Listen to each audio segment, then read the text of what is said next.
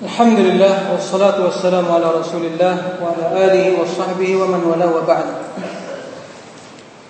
Pada sesi yang kedua ini kita akan berusaha menjawab pertanyaan sebagian ikhwah atau sebagian uh, pendengar ya, suara Quran yang telah sampai kepada kami di antara pertanyaannya ini pertanyaan dari pendengar setia suara Al-Qur'an. Suara ya, suara Quran. E, pertanyaannya, apakah kekacauan dalam rumah tangga itu karena kurangnya kita menjalankan sunnah Rasulullah sallallahu alaihi wasallam? Tolong jelaskan. Yaitu ketidakadanya keharmonisan saling memahami saling berkasih sayang, sering terjadi pertengkaran, ya, kemudian adu mulut, ya, saling berbantah-bantahan. Mungkin suami yang juga ingin bersikap ya diktator dalam mengatur atau mungkin suami istri yang juga tidak mendengar apa yang diperintahkan oleh suaminya sehingga terjadi bermacam-macam ya problematika dilema dalam rumah tangga maka kita tidak bisa menafikan. Hal itu bisa terjadi dan bisa diatasi jika masing-masing dari suami istri memahami hak dan kewajiban masing-masing dan membenahi hidup mereka dengan ilmu agama. Sebab dengan mempelajari ilmu agama mereka akan mengenal dan tahu kewajiban dan hak masing-masing. Dia akan tahu bahwa tujuannya pernikahan bukan sekedar melampiaskan kebutuhan biologisnya. Tapi ia merupakan kehidupan yang dibina dengan tali kasih sayang. Kehidupan yang dibina dengan saling memahami untuk mendambakan kehidupan yang harmonis kehidupan yang bahagia sehingga rumahnya menjadi bagaikan surga di dunia Bukan bagaikan neraka yang panas gelisah. Tidak pernah kedua dari insan yang telah mengikat tali kehidupan dengan pernikahan tadi merasakan kedamaian, ketentraman. Ini jelas rumah tangga yang sengsara. Oleh karena itu, kita tidak menafikan bahwa disebabkan jauhnya kaum muslimin dari ilmu agama tidak mempelajari sunnah Rasulullah itu juga akan mendatangkan malapetaka, mendatangkan musibah, fitnah bermacam-macam. Karena kejahilan tersebut akan menimbulkan bermacam dampak yang negatif. Oleh karena itu, jika suami tidak memahami tanggung jawab dia, jauh dari agama, tidak memahami, jelas istri akan protes. Jika suami tahu tentang agama tapi istri belum mengenal, maka jika perintah yang disampaikan maka tidak terlihat bagaimana ketaatan dan kepatuhan dan ketundukan Bahkan mungkin sering terjadi satu menginginkan begini, yang satu menginginkan yang lain, karena tidak memahami saling memahami hakikat dari kehidupan tadi. Oleh karena itu, nah kehidupan yang disertai ilmu yang bermanfaat, di mana masing-masing dari keluarga tersebut berusaha untuk meneladani Rasulullah Sallallahu Alaihi Wasallam di dalam menjalin, dalam mengarahkan keluarganya, membawa bahtera kehidupan ini, membutuhkan seorang nahoda yang arif, pendamping hidup yang bijaksana, yang mendukung, sehingga bahtera kehidupannya akan berlayar di lautan Kendati badai dan ombak menerpanya, dia akan selamat karena dibimbing dan tidak kehilangan kompas. Tapi kalau jauh dari agama, jauh dari ajaran Rasulullah, mungkin suami tidak pernah sholat atau tidak pernah baca Al-Quran, mungkin rumahnya sabana sebab waktu isinya ya pun karaoke, musik kepanjangan 24 jam non stop musik aja, atau mungkin di rumahnya hanya gambar-gambar yang bernyawa yang dilarang. Atau mungkin di rumahnya bermacam maksiat dan dosa dilakukan. Tidak pernah sujud pada Allah. Suami yang sampai berdandan untuk memperlihatkan kecantikannya dan fitnahnya di ya jalan-jalan pinggir jalan. Bahkan lebih senang untuk keliling di rumah, keliling di luar rumah daripada menetap di rumahnya, memperbaiki dirinya, keluarga dan anaknya. Ini disebabkan apa? Karena tidak tahu, karena jauhnya dari agama. Padahal kalau dia belajar agama, mempelajari sunnah, di dalamnya terdapat bagaimana kewajiban seorang suami, kewajiban seorang istri, dan bagaimana seharusnya keluarga muslim untuk mewujudkan sakinah, mawaddah dan kasih sayang tersebut. Nah oleh karena itu jelas. Kemudian juga faktor dunia.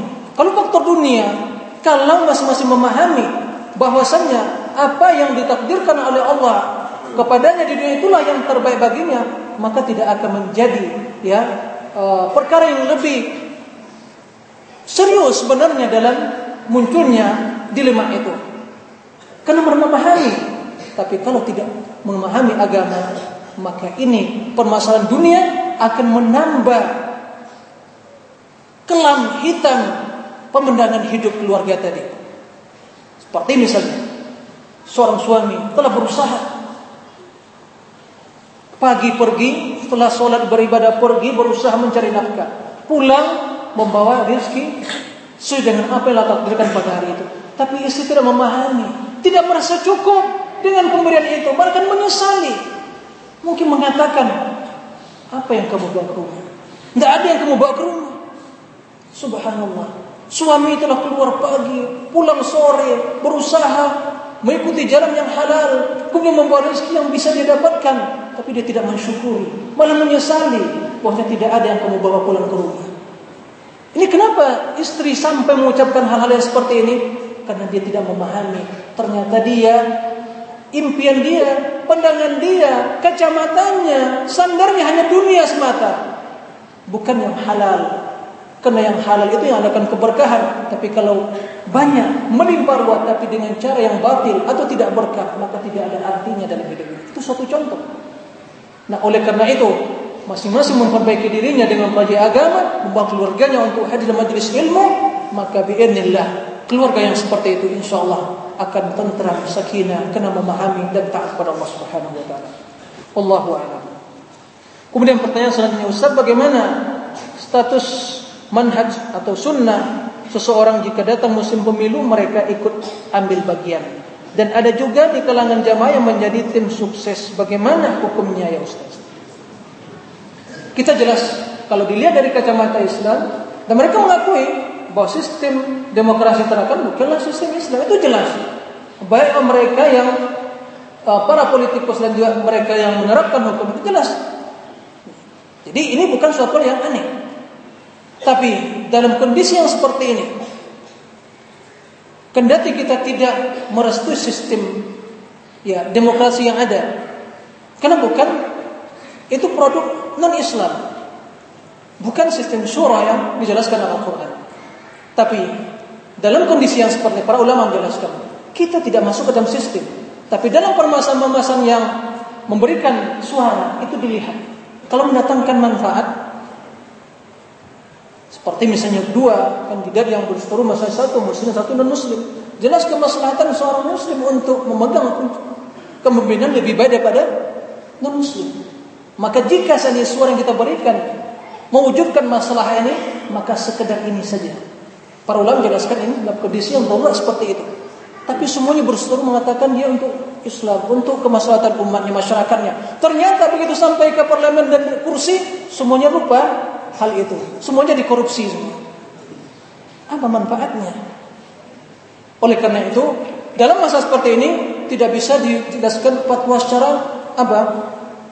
Hukumnya begini, tapi lihat masalah. Lihat masalahnya. Kalau memang ada masalah memberikan suara, masalahnya ada, tidak bermasalah dan sekedar ini saja. Tapi bukan masuk dalam sistem tidak masuk dalam tim suksesi, itu sudah masuk dalam sistem. Jangan. Sebab kelam. Dunia politik dunia yang sangat hitam kelam. Dahsyat betul, sangat dahsyat. Ya. Mengerikan. Bahkan banyak orang yang menjual kehormatan dirinya dan agamanya dan prinsip hidupnya dikenakan apa? Politiknya. Hitam. Dan itu semua mudah rahasia umum. Tidak ada yang nama politik itu yang jujur, tidak ada. Modal utama politik itu adalah kebohongan. Oleh karena itu, kita seorang muslim hendaknya mengutamakan ridha Allah Subhanahu wa taala. Nah, dakwah ini bukan untuk dipolitisir. Tapi dalam kondisi yang seperti ini, sebagaimana ya jangan salah paham. Kita tidak masuk sistem yang ada. Tidak bahwa sistem itu bukan jelas sistem Islam. Tapi dalam kondisi yang darurat seperti itu, kalau seandainya keikutsertaan kita dalam memberikan suara mungkin memberikan kedatangan manfaat dari sisi dari sebagian sisi kepada kaum muslimin mungkin yang naik bisa mungkin muslim maka ini jelas ada manfaatnya dari sebatas ini saja.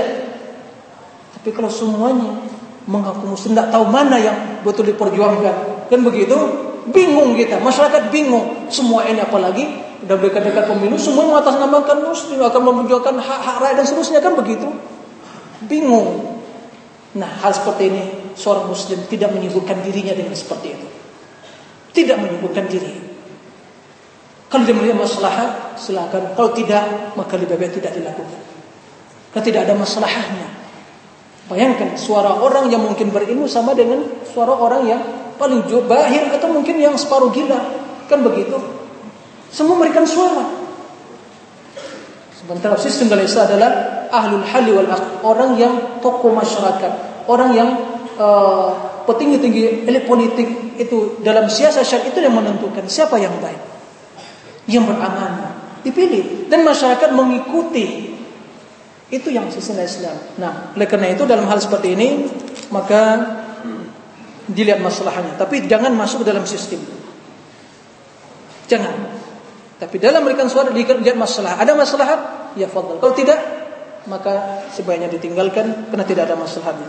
Dan ini juga sama dengan ya redaksi pertanyaan yang ada di lembaran yang ketiga itu sama uh, Nanti pun berbeda pertanyaannya tapi redaksi apa maknanya sama dan telah dijawab dalam pertanyaan yang kedua tadi.